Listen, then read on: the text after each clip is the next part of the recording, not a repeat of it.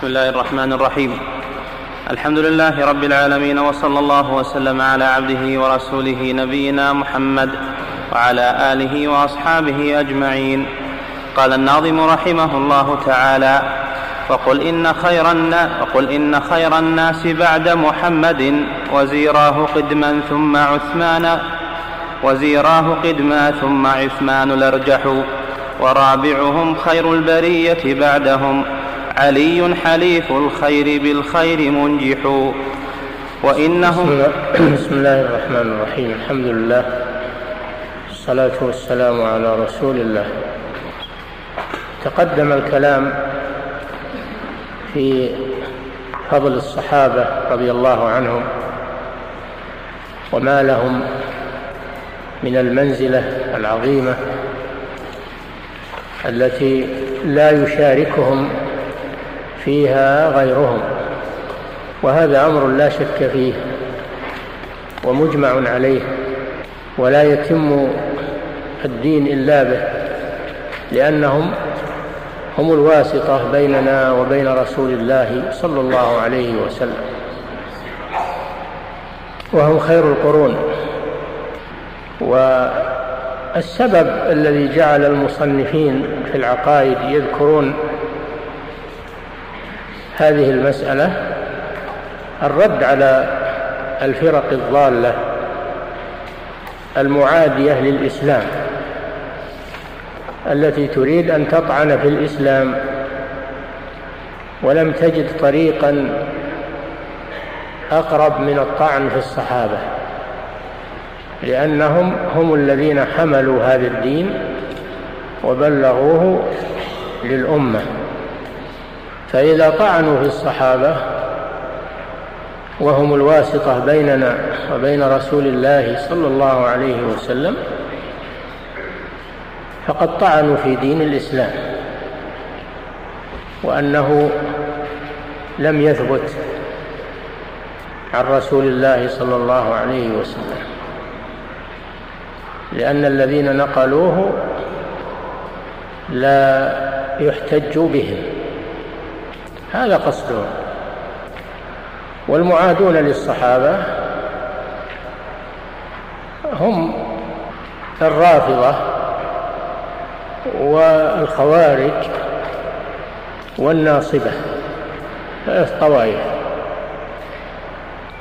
ثلاث طوائف لكن أخبثهم الرافضة. أما الخوارج فالذي حملهم على هذا التشدد في الدين والغلو في الدين ولم يكن قصدهم الطعن في الإسلام وإنما حملهم الغلو في الدين تشدد في الدين. فحملهم هذا على أن من حصل منه خطأ أنه كافر. أنه كافر. فهم فعلوا هذا عن غلو وعن تطرف وتشدد ولم يعملوه طعنا في الدين بل إن هذا من بزعمهم من حبهم للدين وحرصهم عليه حرصهم على الدين بزعمهم وأما النواصب فالذي حملهم على هذا أمر سياسي. أنهم يريدون بذلك الطعن في خلافة علي رضي الله عنه لأمر سياسي فقط. وأنه لا يستحق الإمامة. هذا الذي حملهم على هذا أمر سياسي. ما قصدهم الطعن في الدين؟ وإنما قصدهم أمر سياسي. أما الروافض قبحهم الله فقصدهم الطعن في الدين لأنهم إذا إذا ذموا الصحابة فإن و وطعنوا فيهم فلم يبق بيننا وبين رسول الله صلى الله عليه وسلم واسطة. والدين جاءنا عن عن الصحابة وهم في نظر الرافضة لا يحتج بقولهم فإذا هذا طعن في الدين هذا قصدهم فهذا الذي سبب أن المؤلفين من أهل السنة في العقيدة يذكرون مسألة الصحابة قصدهم الرد على هذه الطوائف. نعم. وقد سبق الكلام عن فضائل الصحابة وأنهم يتفاضلون فيما بينهم. هم يشتركون في الصحبة في فضل الصحبة يشتركون في هذا. ولا يشاركهم أحد ولا يلحق بهم أحد. لكن هم فيما بينهم يتفاضلون. بعضهم أفضل من بعض. وليس معنى هذا إذا ذكرنا أن بعضهم أفضل من بعض أننا نطعن في المفضول أو نتنقص المفضول. هذا لا يجوز. ما نتنقص المفضول؟ وهو صحابي من صحابة رسول الله صلى الله عليه وسلم. نعم. وقل إن خير الناس بعد محمد وزيراه قدما ثم عثمان الأرجح. أفضل الصحابة الخلفاء الأربعة خلفاء الراشدون. قال صلى الله عليه وسلم عليكم بسنتي وسنة الخلفاء الراشدين المهديين. من بعدي تمسكوا بها وعضوا عليها بالنواهي.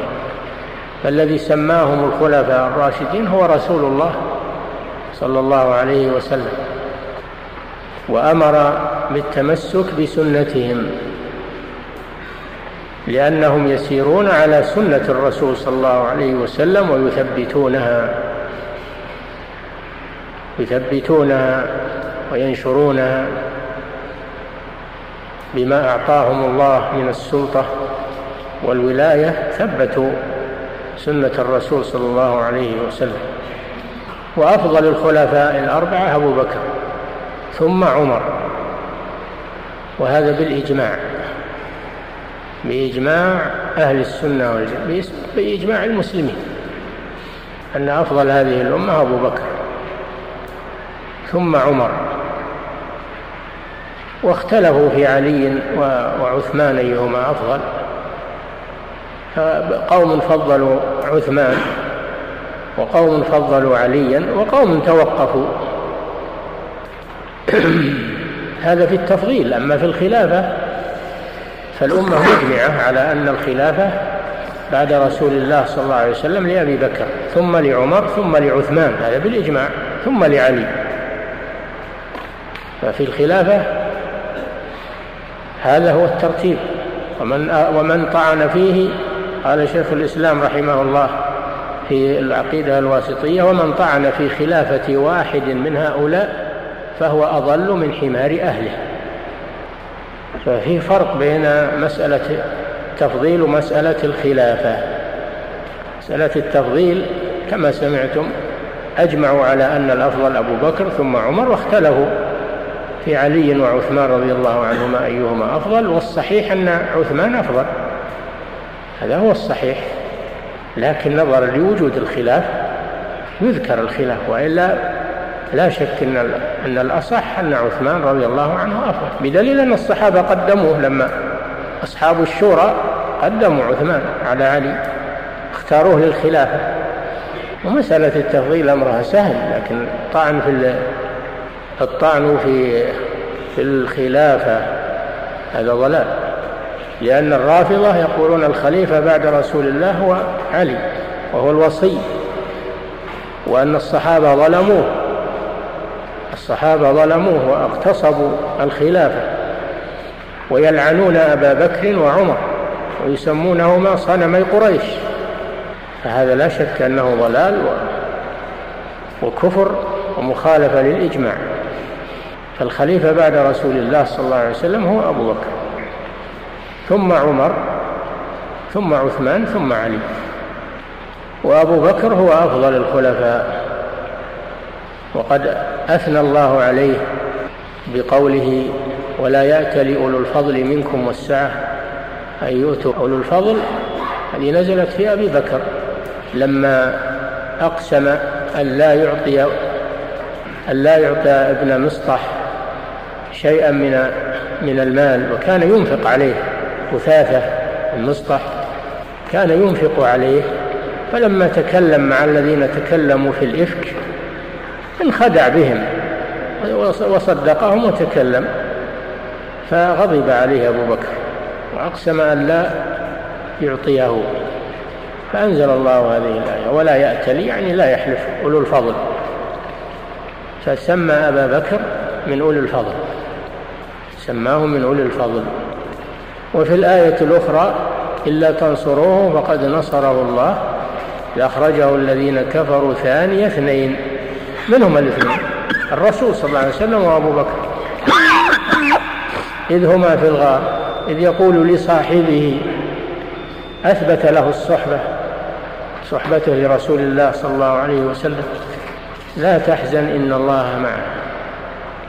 فأبو بكر هو أفضل ولا ونطقت بهذا أحاديث صحيحة في البخاري وغيره. من أفضل هذه الأمة أبو بكر الصديق. وذلك لسابقته في الإسلام ومناصرته للرسول صلى الله عليه وسلم وملازمته له. ولما مات الرسول صلى الله عليه وسلم أجمعت الأمة على اختيار أبي بكر. ولما ارتد من ارتد من العرب فالذي ثبت في وجوههم وقاتلهم هو أبو بكر. حتى ثبت الله به هذا الدين وقمع به أهل الردة. فضائله كثيرة رضي الله عنه. ويسمى بالصديق. ودرجة الصديقين بعد الأنبياء. قال تعالى ومن يطع الله والرسول فأولئك مع الذين أنعم الله عليهم من النبيين والصديقين والشهداء والصالحين. حسن أولئك رفيقا. فمنزلة الصديقين بعد الأنبياء. والصديق هو كثير الصدق. الصديق هو المبالغ في الصدق قال صلى الله عليه وسلم لا يزال الرجل يصدق ويتحرى الصدق حتى يكتب عند الله صديقا. وقالوا إن قوله تعالى والذي جاء بالصدق وصدق به أولئك هم المفلحون. قالوا إن المراد بهذا أبو بكر رضي الله عنه. جاء بالصدق وصدق به. نعم. ورابعهم خير البرية بعدهم. ثم من بعده عمر. من بعده عمر الفاروق. سمي بالفاروق لأن الله فرق به بين الحق والباطل. لما أسلم اعتز الإسلام بإسلامه. وكان المسلمون قبل إسلام عمر كانوا مستضعفين ومختفين في دار الأرقم. فلما أسلم عمر فلما أسلم عمر رضي الله عنه خرجوا معه إلى المسجد الحرام. وكان لا أحد يقربهم ومعهم عمر رضي الله عنه. ثم أسلم حمزة هو الثاني فكان مع عمر فحينئذ أعز الله الإسلام بهما. وقال ابن مسعود رضي الله عنه ما زلنا أعزة منذ أسلم عمر. فأعز الله به الإسلام ولذلك سمي بالفاروق. وهو الخليفة الثاني وهو أفضل الصحابة بعد أبي بكر الصديق كما في البخاري وغيره. وهما وزيرا رسول الله صلى الله عليه وسلم. أي, المستشاران للرسول صلى الله عليه وسلم. والوزير هو الموازر والمؤيد. الوزير هو المؤازر والمؤيد لولي الأمر. قال الله جل وعلا في في موسى وجعلنا معه أخاه هارون وزيرا. يوازره وقال لأن الله لأن موسى دعا ربه فقال واجعل لي وزيرا من أهلي هارون أخي أشدد به أزري وأشركه في أمري. هذا هو الوزير الذي يشارك في الرأي ويؤازر ولي الأمر ويشير عليه بالنصح فأبو بكر وعمر هما وزيرا رسول الله صلى الله عليه وسلم كما أن هارون عليه السلام وزير موسى. نعم. وقل إن خير الناس بعد محمد وزيراه قدما ثم عثمان الأرجح. ثالث الثالث عثمان رضي الله عنه عثمان بن عفان. من أول السابقين الأولين إلى الإسلام وهاجر إلى الحبشة هاجر الهجرتين. هاجر إلى الحبشة وهاجر إلى المدينة. وأنفق الأموال في سبيل الله عز وجل. أنفق الأموال في سبيل الله جهز جيش العسرة وحفر بئر رومة للمسلمين. قال صلى الله عليه وسلم من يحفر هذا البئر وله الجنة فحفرها عثمان رضي الله عنه ووقفها للمسلمين وجهز جيش العسرة بكامله من ماله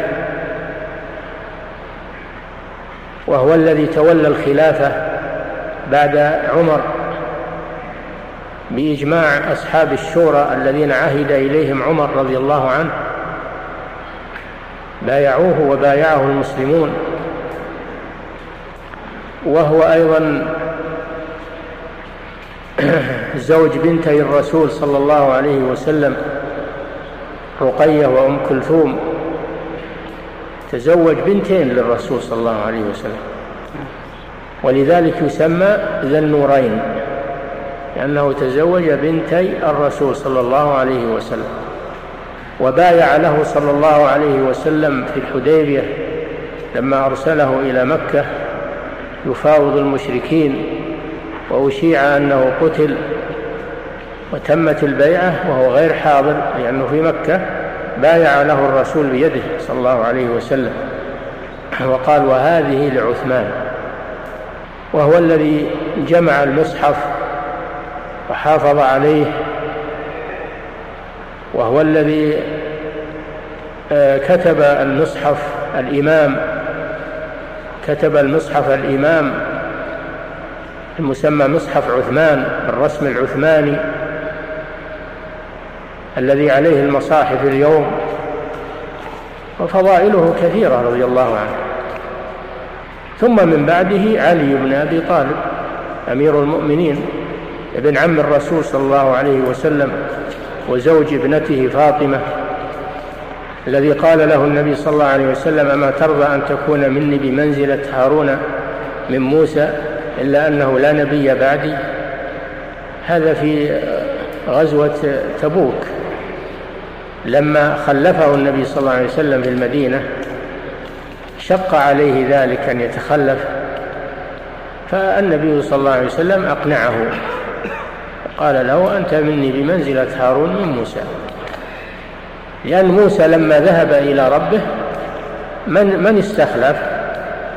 ها؟ استخلف هارون. استخلف هارون. قال له موسى اخلفني من بعدي. استخلفه من بعده. فالرسول فعل مع علي لما ذهب إلى تبوك مثل ما فعل مثل ما فعل موسى لما ذهب لميعاد ربه. استخلف هارون. وقال موسى لأخيه هارون اخلفني في قومي وأصلح ولا تتبع سبيل المفسدين. فهذا من فضائله رضي الله عنه. وهو الذي قاتل الخوارج وقضى على فتنتهم وأراح المسلمين من شرهم وتحقق فيه بشرى الرسول صلى الله عليه وسلم في قتلهم. فله فضائل عظيمة وهو من وهو أول من أسلم من الصبيان. أول من أسلم من الصبيان الأحرار علي رضي الله عنه. وأول من أسلم من الرجال الأحرار أبو بكر الصديق. وأول من أسلم من الموالي زيد بن حارثة. وأول من أسلم من العبيد بلال بن أبي رباح. وأول من أسلم من النساء خديجة بنت خويلد رضي الله عنها. فعلي رضي الله عنه من السابقين الأولين إلى الإسلام. وزوج ابنة الرسول صلى الله عليه وسلم فاطمة وأبو الحسنين حسن بن علي وحسين بن علي سيدا شباب أهل الجنة. فله فضائل عظيمة وهو الذي قال فيه النبي صلى الله عليه وسلم يوم خيبر لأعطين الراية غدا رجلا يحب الله ورسوله ويحبه الله ورسوله.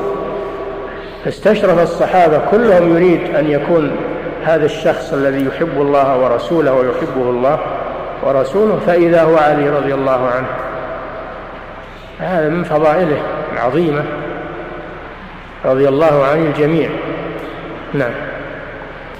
ورابعهم خير البرية بعدهم علي حليف الخير بالخير منجح. نعم. وإنهم للرهط لا ريب فيهم على نجب الفردوس بالنور تسرح.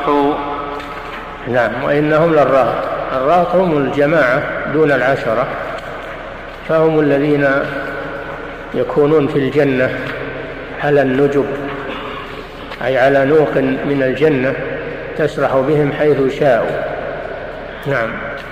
وإنهم للرهط لا ريب فيهم على نجب الفردوس بالنور تسرح سعيد وسعد وابن عوف لما ذكر الخلفاء الأربعة رضي الله عنهم ذكر بقية العشرة المشهود لهم بالجنة. وهم الستة الباقون من العشرة. أولهم سعيد بن زيد بن عمرو بن نفيل ابن عم عمر بن الخطاب. وزوج أخت عمر رضي الله عنه. نعم. سعيد. سعيد وسعد. وسعد بن أبي وقاص الزهري رضي الله عنه وأرضاه. نعم. سعيد وسعد وابن عوف. وابن عوف عبد الرحمن بن عوف رضي الله عنه. وهو من أثرياء الصحابة ومن الذين ينفقون في سبيل الله عز وجل الإنفاق الكثير. نعم. وطلحة طلحة بن عبيد الله. طلحة بن عبيد الله. نعم. وعامر فهر. وعامر أبو عبيدة عامر بن الجراح أمين هذه الأمة. نعم. والزبير. الزبير بن العوام رضي الله عنه. حواري رسول الله صلى الله عليه وسلم. نعم. سعيد وسعد وابن عوف وطلحة وعامر فهر والزبير الممدح. عامر فهر لأنه فهري من وفهر هذا من من أجداد من أجداد النبي صلى الله عليه وسلم. نعم. هو من آباء القرشيين نعم. وعامر فهر والزبير الممدح. نعم.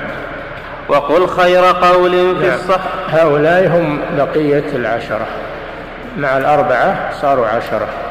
بشرون بالجنة. وهم أفضل الصحابة. نعم. وكلهم من قريش. كل هؤلاء العشرة من قريش. نعم. وقل خير قول في الصحابة كلهم. ولا تك طعانا تعيب وتجرح. لما ذكر العشرة المبشرين بالجنة قال قل خير قول في بقية الصحابة. لا تظن إن أنه إذا ذكر الفاضل من الصحابة أن هذا تنقص للمفضول بل كلهم صحابة رسول الله صلى الله عليه وسلم ولهم فضل الصحبة والمناصرة للرسول صلى الله عليه وسلم التلقي عنه. رأوا الرسول واجتمعوا به وصلوا خلفه وسمعوه عليه الصلاة والسلام. نعم. وقل خير قول في الصحابة كلهم ولا تك طعانا تعيب وتجرح. فقد نطق. قل خير قول في صحابة رسول الله صلى الله عليه وسلم. أثن عليهم وامدحهم لأنهم يستحقون هذا يستحقون المدح والثناء. ولا يجوز تنقص أحد منهم أو التماس العيوب لهم كما تفعل الرافضة قبحهم الله. أعداء الدين وأعداء الأمة وأعداء الملة. نعم. ولا تك طعانا تعيب وتجرح. كما تفعل الرافضة. كما تفعل الرافضة والخوارج. نعم. فقد نطق الوحي المبين بفضلهم وفي الفتح آي للصحابة تمدح. نطق القرآن الكريم والسنة النبوية الوحي يشمل القرآن والسنة. نطق الوحي قرآنا وسنة بفضل صحابة رسول الله صلى الله عليه وسلم. فالذي يطعن فيهم مكذب للوحي مكذب لكتاب الله. سنة رسوله صلى الله عليه وسلم. قال تعالى والسابقون الأولون من المهاجرين والأنصار والذين اتبعوهم بإحسان رضي الله عنهم ورضوا عنه. وأعد لهم جنات تجري من تحتها الأنهار. وفي سورة الفتح إنا فتحنا لك فتحا مبينا ثناء متكرر على صحابة رسول الله. في أولها في أولها يقول ليدخل المؤمنين والمؤمنات جنات تجري من تحتها الأنهار خالدين فيها. وكان ذلك عند الله فوزا عظيما. وقال إن الذين يبايعونك إنما يبايعون الله يد الله فوق أيديهم. وقال لقد رضي الله عن المؤمنين إذ يبايعونك تحت الشجرة فعلم ما في قلوبهم فأنزل السكينة عليهم وقال في آخرها محمد رسول الله والذين معه أشداء على الكفار رحماء بينهم تراهم ركعا سجدا يبتغون فضلا من الله ورضوانا سيماهم في وجوههم من أثر السجود. ذلك مثلهم يعني صفتهم في التوراة التي نزلت على موسى عليه السلام فيها صفة الصحابة. هذه صفتهم في التوراة. ومثلهم أي صفتهم في الإنجيل الذي نزل على عيسى عليه الصلاة والسلام كزرع أخرج شطأه فآزره فاستغلظ فاستوى على سوقه يعجب الزراع ليغيظ بهم الكفار. وعد الله الذين آمنوا منهم وعملوا الصالحات مغفرة وأجرا عظيما. هذه في الصحابة رضي الله عنهم. هذه صفتهم في التوراة وهذه صفتهم في الإنجيل. وقال ليغيظ بهم الكفار فدل على أن الذي يغتاظ من الصحابة أو يبغضهم أنه كافر. بنص هذه الآية الكريمة. نعم. فقد نطق الوحي المبين بفضلهم وفي الفتح آي للصحابة تمدح نعم. في بعض النسخ فيها زيادة سبعة أبيات في بقية الصحابة. آتي بها ولا؟ وين وجدتها؟ مزيدة في بعض النسخ. نسخة إيش؟ أشار لها الذهبي رحمه الله لما إيه. روى هذه. أشار لها الذهبي لما روى هذه القصيدة. فيها ذكر سبطي الرسول وعائشة. فيها ذكر سبطي رسول الله وعائشة. نعم هات, هات الأبيات. زيادة خير. نعم. وسبطي رسول الله وابني خديجة وفاطمة ذات النقاء تبحبح. نعم وسبطي رسول الله يعني الحسن والحسين رضي الله عنه. السبط هو ابن البنت. السبط هو ابن البنت. والحفيد هو ابن الابن فالحسن والحسين سبط رسول الله صلى الله عليه وسلم أي ابني بنته فاطمة وهما سيدا شباب أهل الجنة كما قال النبي صلى الله عليه وسلم. سبطي وصبطي رسول الله وابني خديجة. ابني خديجة لأن لها أولاد الرسول صلى الله عليه وسلم كلهم من خديجة. ما عدا إبراهيم فهو من مارية القبطية. وأما بقية أبناء الرسول صلى الله عليه وسلم فكلهم من خديجة وله منها ابنان ماتا. نعم. وفاطمة ذات النقاء تبحبح. وفاطمة بنت الرسول صلى الله عليه وسلم فاطمة الزهراء بنت الرسول كان صلى الله عليه وسلم يحبها وكان إذا أقبلت قام إليها قبلها وأجلسها إلى جنبه نعم. وعائشة أم المؤمنين وخالنا معاوية عائشة أم المؤمنين التي هي أحب النساء إلى رسول الله صلى الله عليه وسلم. أحب النساء إلى رسول الله هي هي عائشة وأحب الرجال إلى رسول الله أبوها أبو بكر الصديق. نعم. وعائشة أم المؤمنين وخالنا معاوية أكرم به ثم امنحوا. نعم ومعاوية بن أبي سفيان رضي الله عنه الصحابي الجليل كاتب الوحي كان يكتب الوحي يكتب القرآن للرسول صلى الله عليه وسلم وكان خال المؤمنين لأن أخته أم حبيبة زوج النبي صلى الله عليه وسلم أم حبيبة بنت أبي سفيان زوج النبي صلى الله عليه وسلم فهو خال المؤمنين بمعنى أنه أخو أمهم أم المؤمنين. هذا من فضائله رضي الله عنه. نعم. وأنصاره والمهاجرون ديارهم. والمهاجرون والأنصار كما في قوله جل وعلا السابقون الأولون من المهاجرين والأنصار. المهاجرون الذين هاجروا من مكة إلى المدينة. هاجروا من أوطانهم نصر لنصرة الإسلام. والأنصار الذين ناصروا رسول الله صلى الله عليه وسلم وآووا إخوانهم في دار الهجرة. وهذا مذكور في سورة الحشر. الفقراء المهاجرين الذين أخرجوا من ديارهم وأموالهم يبتغون فضلا من الله ورضوانا وينصرون الله ورسوله أولئك هم الصادقون.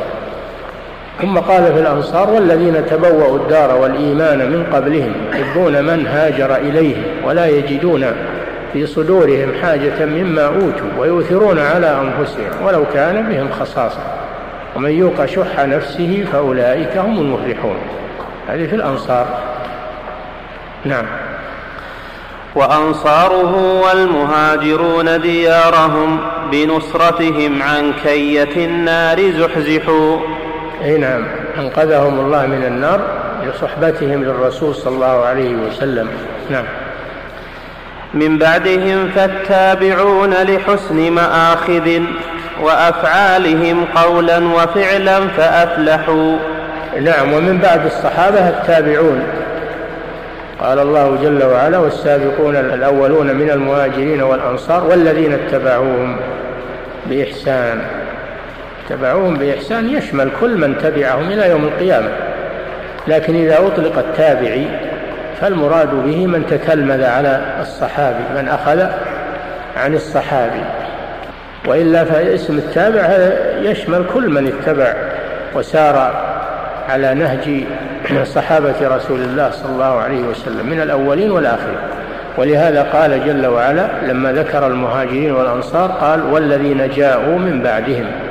يقولون ربنا اغفر لنا ولإخواننا الذين سبقونا بالإيمان ولا تجعل في قلوبنا غلا للذين آمنوا. ربنا إنك رؤوف رحيم. هذه الآية فيها رد على الرافضة الذين يبغضون صحابة رسول الله صلى الله عليه وسلم بقلوبهم ويتكلمون بألسنتهم ويلعنون ويكفرون صحابة رسول الله صلى الله عليه وسلم. ولهذا قال شيخ الإسلام بن تيمية ومن أصول أهل السنة والجماعة سلامة قلوبهم وألسنتهم لصحابة رسول الله صلى الله عليه وسلم. سلامة قلوبهم لقوله ولا تجعل في قلوبنا غلا. وسلامة ألسنتهم يقولون ربنا اغفر لنا ولإخواننا الذين سبقونا بالإيمان. فهذه الآية فيها, فيها سلامة القلوب والألسن لصحابة رسول الله صلى الله عليه وسلم. هذا منهج التابعين لهم. أما من يجرح وأما من يلتمس العيوب ويشكك في فضل الصحابة أو يكفرهم أو يلعنهم فهذا مخالف لهدي الإسلام ومعاد لدين الإسلام ومعاند معاد للرسول صلى الله عليه وسلم. لأنه إذا طعن في صحابته طعن في الرسول صلى الله عليه وسلم وطعن في القرآن الذي يثني عليهم ويمدحهم. نعم. ومالك والثوري ثم أخوهم أبو عمرو الأوزاعي ذاك المسبح. أي نعم هذا من التابعين يعني يذكر فضائل التابعين. هم هؤلاء الأئمة منهم يعني من منهم هؤلاء الأئمة. نعم. نعم. و ومالك والثوري ثم أخوهم أبو عمرو الأوزاعي ذاك المسبح. مالك بن أنس الإمام دار الهجرة والثوري اللي هو سفيان الثوري. والأوزاعي إمام أهل الشام رحمهم الله. نعم.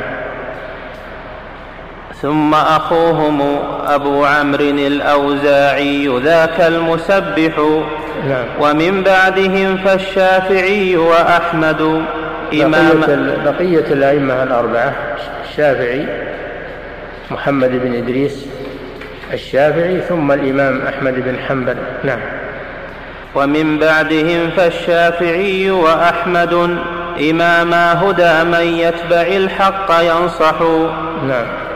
أولئك قوم قد عفى الله عنهم فأحببهم فإنك تفرح. أي نعم. تحب السلف الصالح وأئمة الإسلام فإن هذه علامة الإيمان. نعم.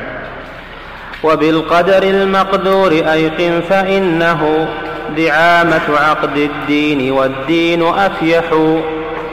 ولم يذكر أبا حنيفة لأن أبا حنيفة قيل إنه من التابعين إنه أدرك الصحابة قيل إنه أدرك جماعة من الصحابة والصحيح أنه من أتباع التابعين أنه لم يدرك الصحابة وإنما أدرك التابعين فهو من القرن الثالث من القرون المفضلة رحمه الله.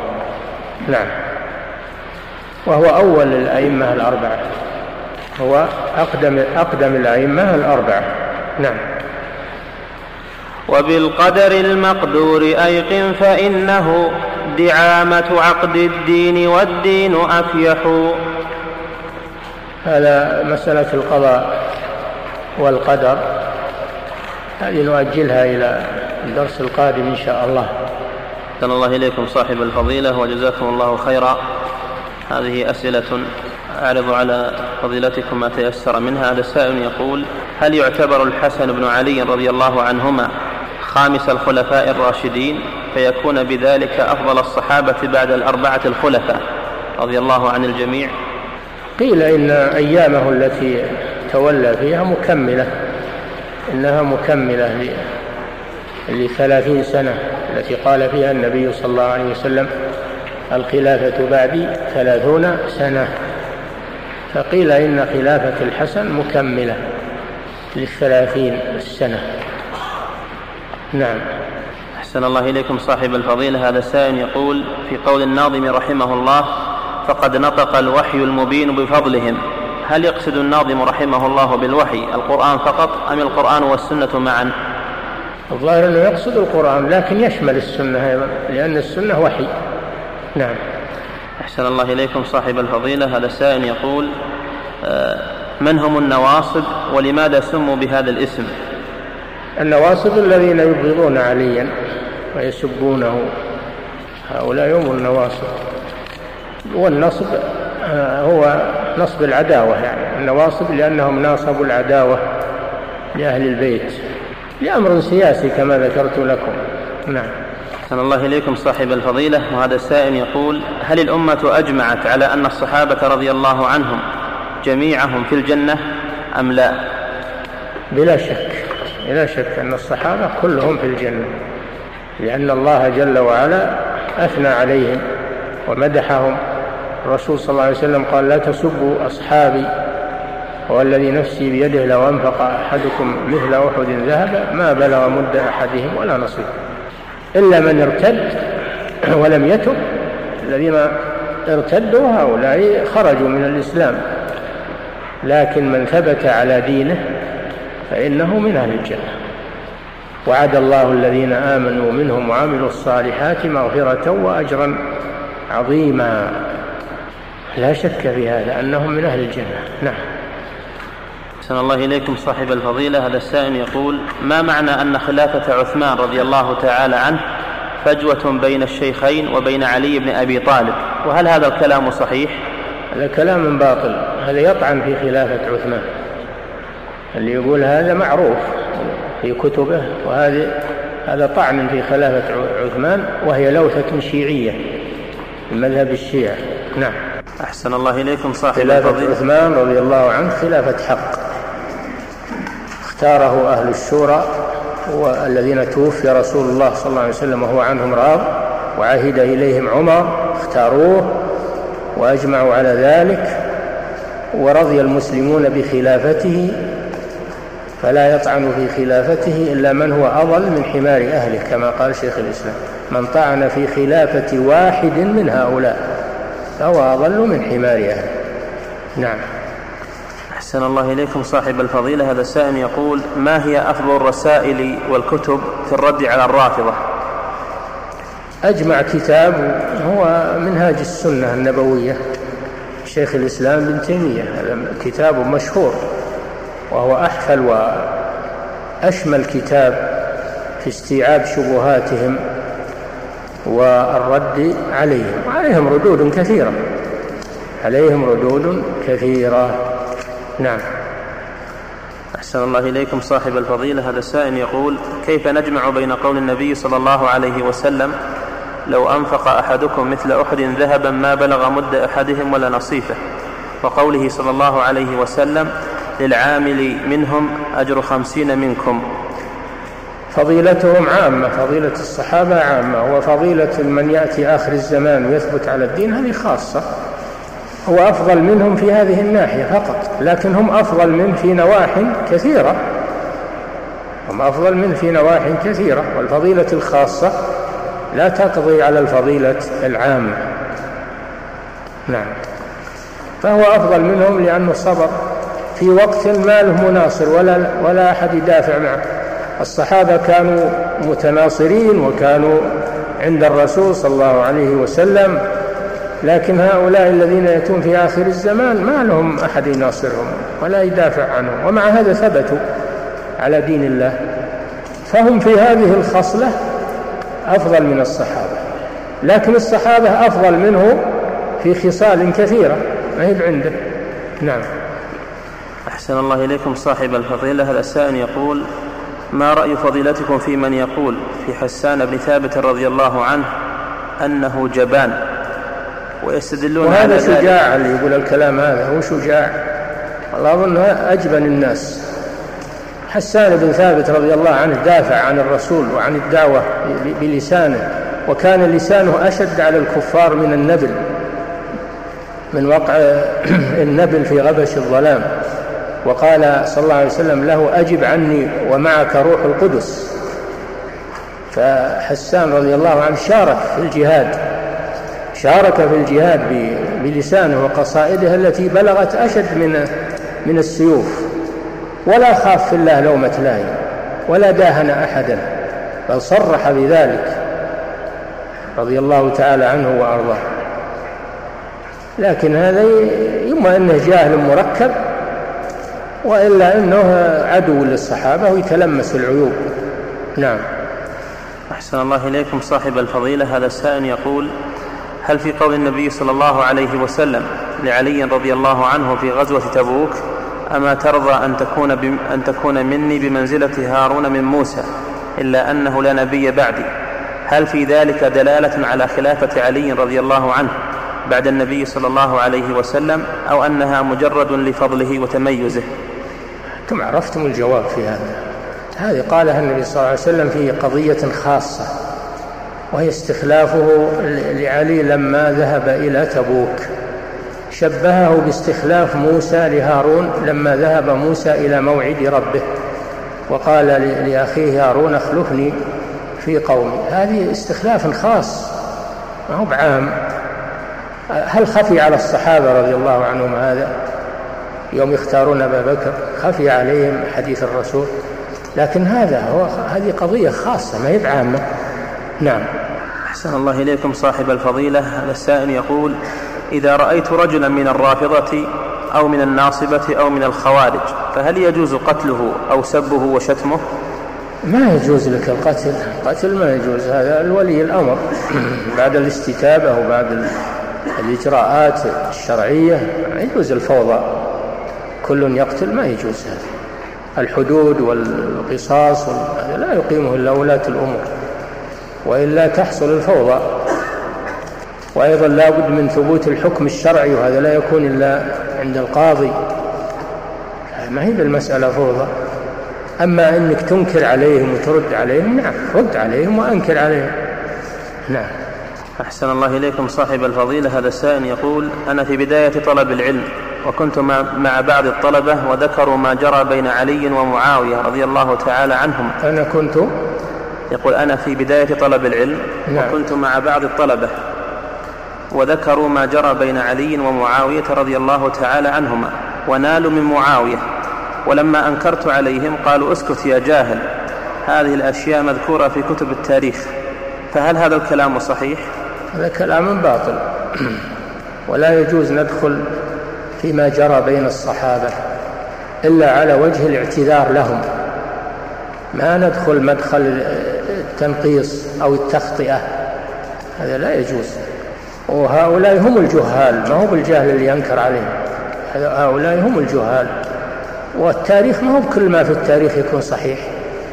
تواريخ تمحص وينظر فيها ولا يعتمد إلا على الأخبار الصحيحة. فلا يعتمد على التواريخ فقط.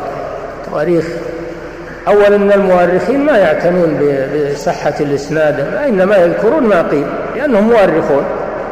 يذكرون ما قيل فقط دون تمحيص. وثانيا أنها دخلها دخلها الكذب ودخلها الأهواء. فما كل مؤرخ يوثق به.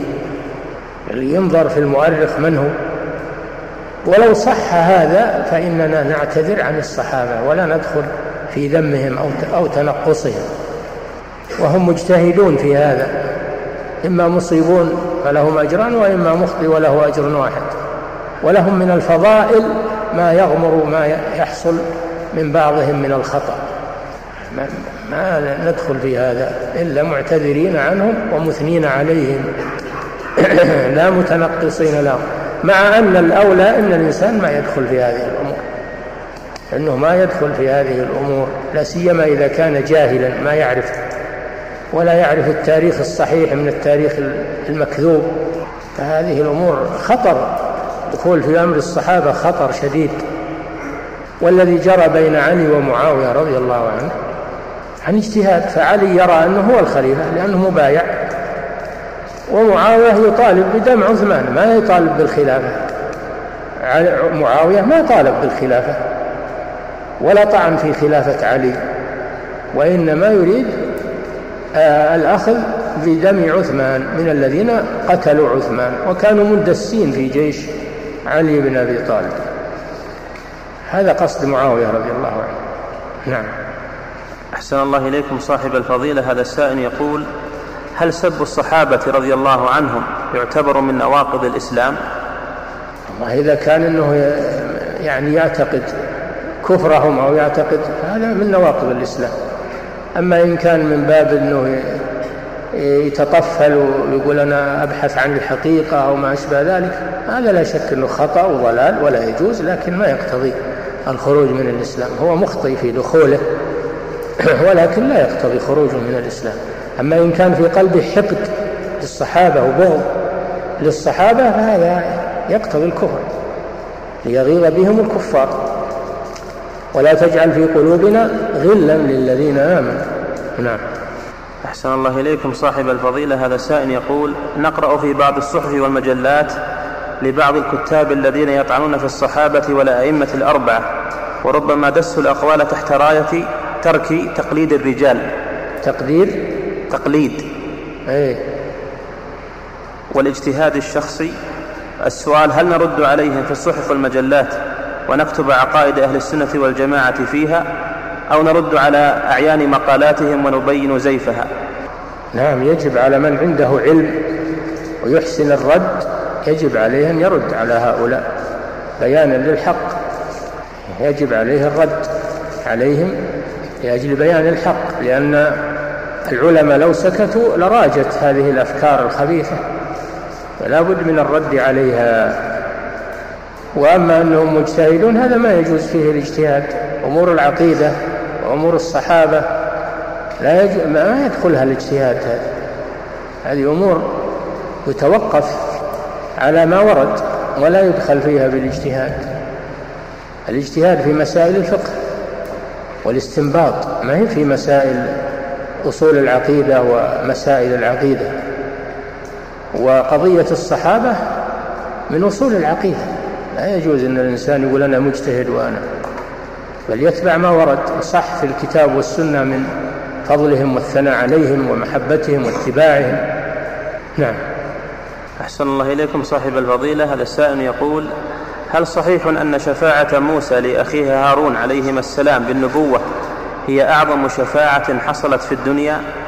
نعم يقولون إن ما أحد نفع أخاه مثل ما نفع موسى أخاه هارون. حيث إنه شفع له حتى صار نبيا. شفع له عند الله دعا, دعا ربه حتى إن الله استجاب دعوته فجعل هارون نبيا. نعم لا شك في هذا أن هذا فضل من الله. وهذا أعظم شفاعة. نعم. أحسن الله إليكم صاحب الفضيلة.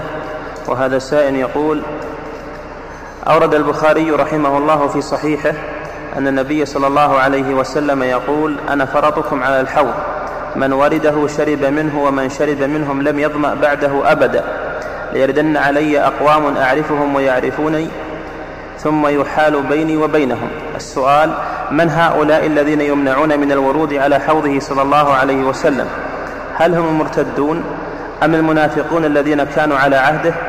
أم الأعراب الذين لم يدخل الإيمان في قلوبهم؟ المرتدون. لأنه في الحديث ما زالوا بعدك مرتد مرتدين على أعقابهم. هذا في المرتدين الذين ارتدوا عن دين الإسلام. نعم. أحسن الله إليكم صاحب أما المنافقون فليسوا مسلمين من الأصل. ما هم مؤمنين؟ هم مسلمون لكنهم ليسوا مؤمنين من الأصل. هم في الدرك الأسفل من النار كما ذكر الله جل وعلا. نعم. أحسن الله إليكم صاحب الفضيلة. هذا السائل يقول ما الدليل على أن الخلفاء أربعة فقط؟ وهل إلحاق عمر بن عبد العزيز رحمه الله بهم خليفة خاصا به يكون صحيحا؟ نعم الواقع الواقع هو هو ذا وتحديد الرسول ثلاثين سنة حدد الخلافة يحدد الخلافة أنها في هؤلاء الأربعة والواقع يثبت هذا وإجماع الصحابة على هذا. وأما عمر بن عبد العزيز فهو مجدد رحمه الله يعتبر من المجددين لأنه جدد الخلافة فهو من المجددين في الإسلام وليس هو من الخلفاء الراشدين. نعم لكنه مقتدي اقتدى بالخلفاء الراشدين وجدد أمر الخلافة وجدد حتى جدد الإسلام أيضا جدد في الإسلام. نعم. فهو مجدد. نعم.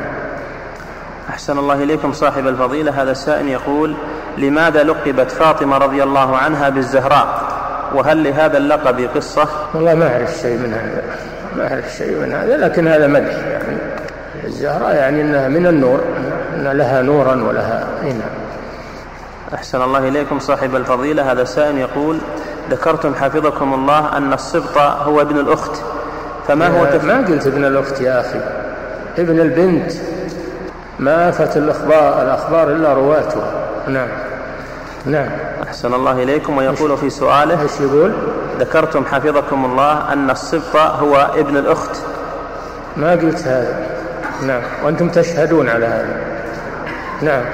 ويقول في تتمة سؤاله ما هو تفسير قوله تعالى قولوا آمنا بالله وما أنزل إلينا وما أنزل إلى إبراهيم وإسماعيل وإسحاق ويعقوب والأسباط. الأسباط هم فرق بني إسرائيل. الأسباط في بني إسرائيل مثل القبائل عند العرب. قطعناهم اثنتي عشرة أسباطا أمما.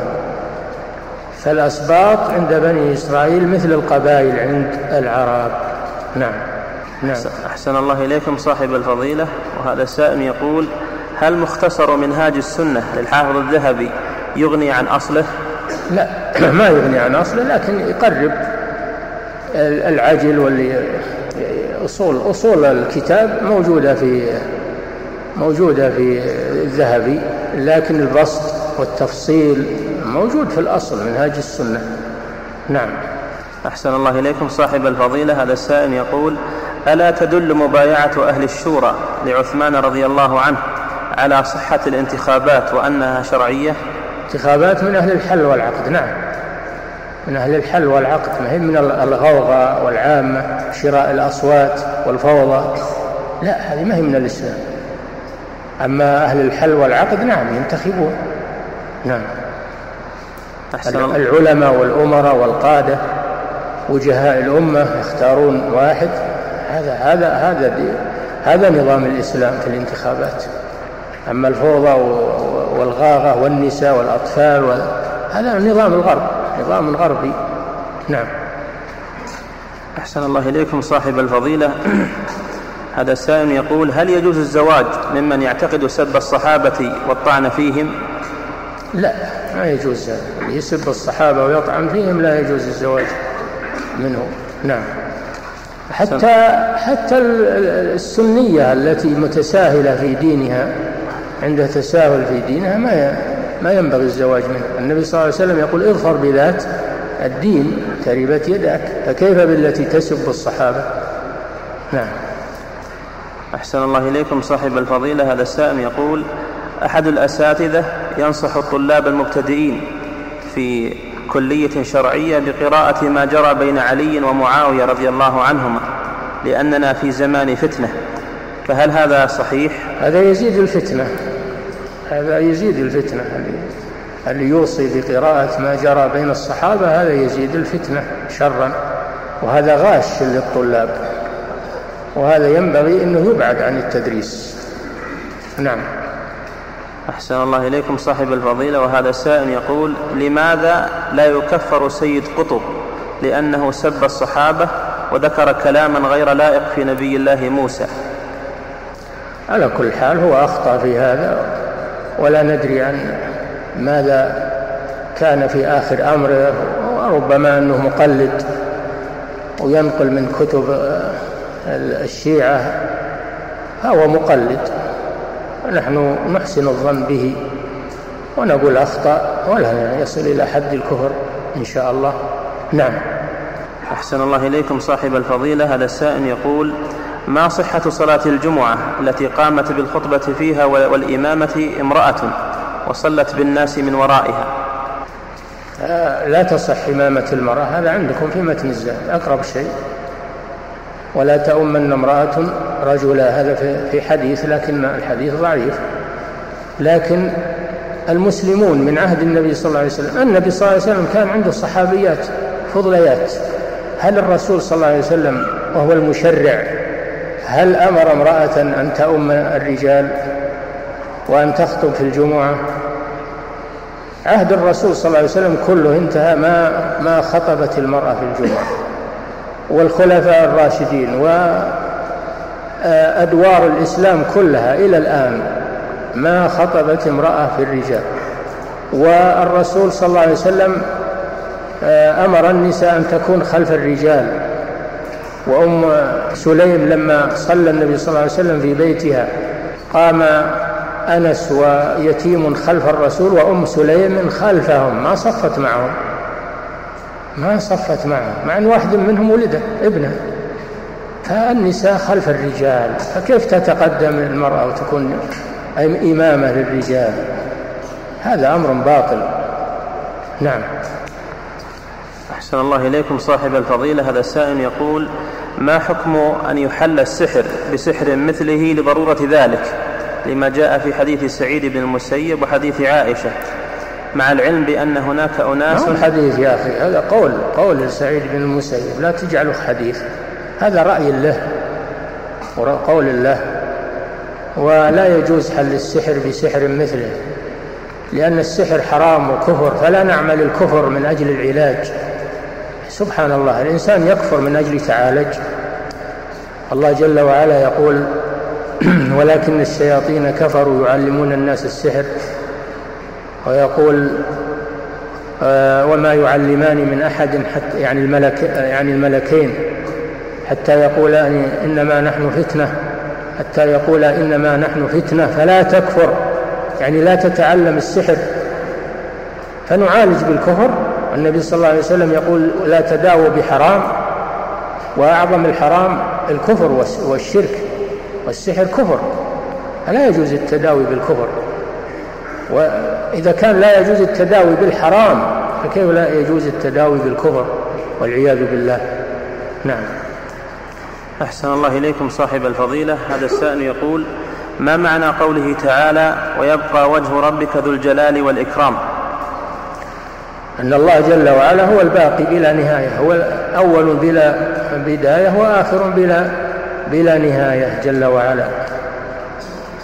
مثل هو الأول والآخر والظاهر والباطن والوجه معروف هو صفة ذاتية لله عز وجل.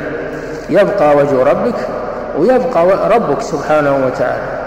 إذا بقي وجهه بقي سبحانه وتعالى. نعم. وإنما ذكر الوجه لشرفه. ذكر الوجه لشرفه وفضله. نعم.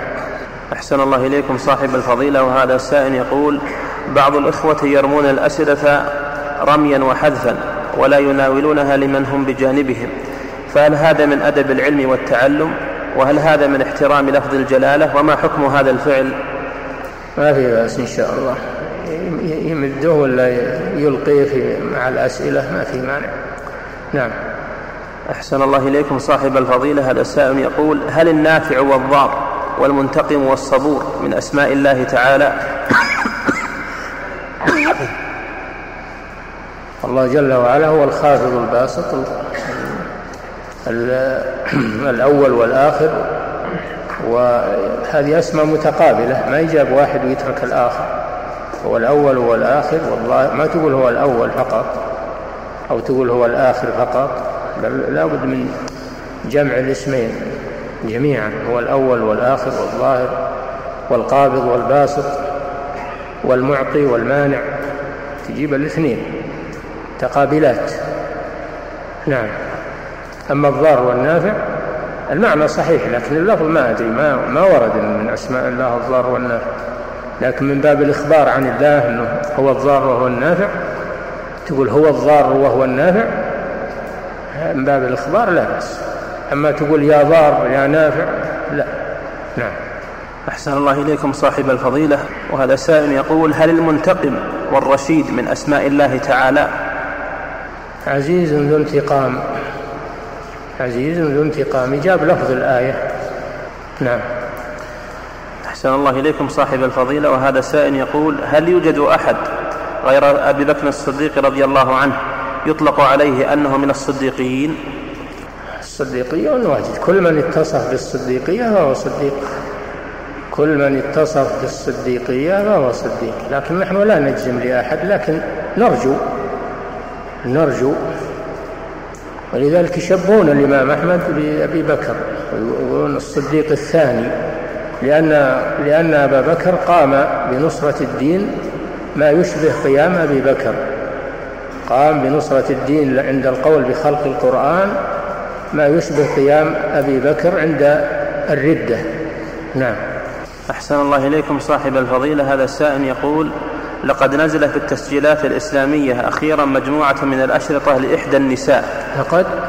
لقد نزل في التسجيلات الإسلامية مؤخرا مجموعة من الأشرطة لإحدى النساء الداعيات. وهي الآن تباع فهل يجوز هذا الفعل؟ وماذا نصنع به؟ وبماذا توجهون؟ هذا يعطى للنساء نعم يعطى للنساء. الأشرطة تعطى للنساء ولا تعطى للرجال لأن صوت المرأة فتنة.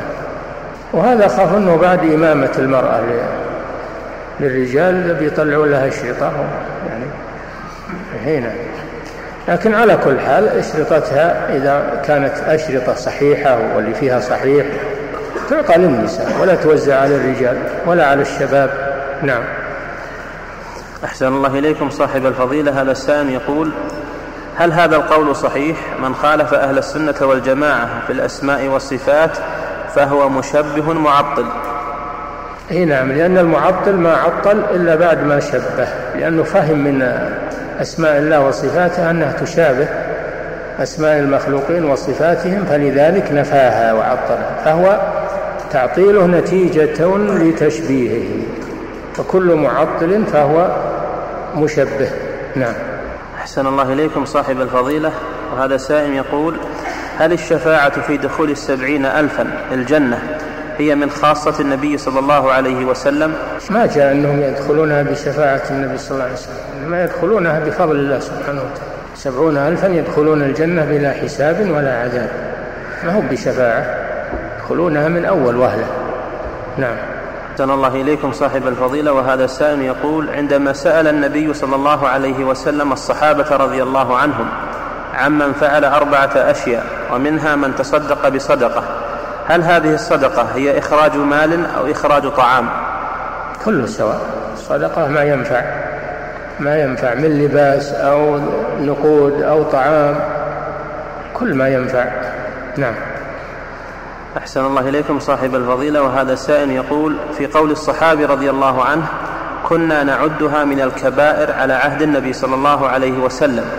السؤال هل هناك مثال على هذه الأعمال التي احتقرها الناس فعدها أولئك كبائر على عهد النبي؟ الصغائر الصغائر صغائر الذنوب كان الصحابة يخافون منها حتى ينزلوها منزلة الكبائر من باب الخوف منها. وتعظيم طاعة الله عز وجل. هذا من زيادة الإيمان وقوة الإيمان والخوف من الله عز وجل أنهم لا يتساهلون بالصغائر. فإذا كانوا لا يتساهلون بالصغائر فما بالك بالكبائر؟ هم أشد تجنبا لها. نعم. أحسن الله إليكم صاحب الفضيلة. وهذا السائل يقول نحن شباب نأتي إلى الرياض في ليلة السبت ولا نرجع إلا يوم الأربعاء. فهل يجوز لنا أن نقصر الصلاة ونجمعها؟ وهل نصلي السنن الرواتب أم الأفضل ألا نصليها؟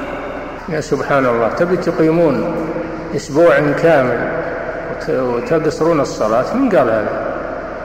جمهور أهل العلم على أنه إذا نوى إقامة أكثر من أربعة أيام أنه يتم الصلاة لأنه أصبح مقيما وانتهى انقطع سفره انقطع سفره بهذه الإقامة. فيتم الصلاة ويصوم ويعتبر نفسه مقيما حتى يستأنف السفر. فإذا استأنفه استأنف أحكامه. نعم. أحسن الله إليكم صاحب الفضيلة. وهذا سائل يقول هل من, هل من مات في ساحة الجهاد؟ نقول عنه بأنه شهيد.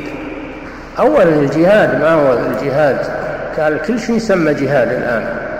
الجهاد الصحيح الذي تنطبق عليه الشروط شروط الجهاد في الإسلام فإذا قتل فيه إن كانت نيته هذا لا يعلمها إلا الله إن كانت نيته إعلاء كلمة الله فهو شهيد. قال صلى الله عليه وسلم من قاتل لتكون كلمة الله هي العليا فهو في سبيل الله فهو في سبيل الله ونحن لا نجزم له بالشهادة لكن نرجو له.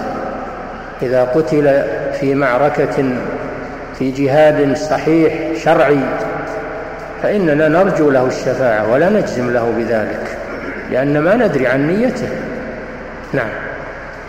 أحسن الله إليكم صاحب الفضيلة. هذا السائل يقول قلتم حفظكم الله إن التابعين هم جميع من ي... هم جميع من يتبع الصحابة إلى قيام الساعة. بالمعنى العام بالمعنى العام لكن المعنى الخاص لا.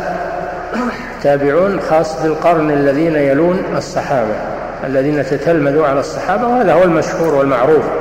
إذا أطلق التابعون فالمراد بهم الجيل الذي بعد الصحابة.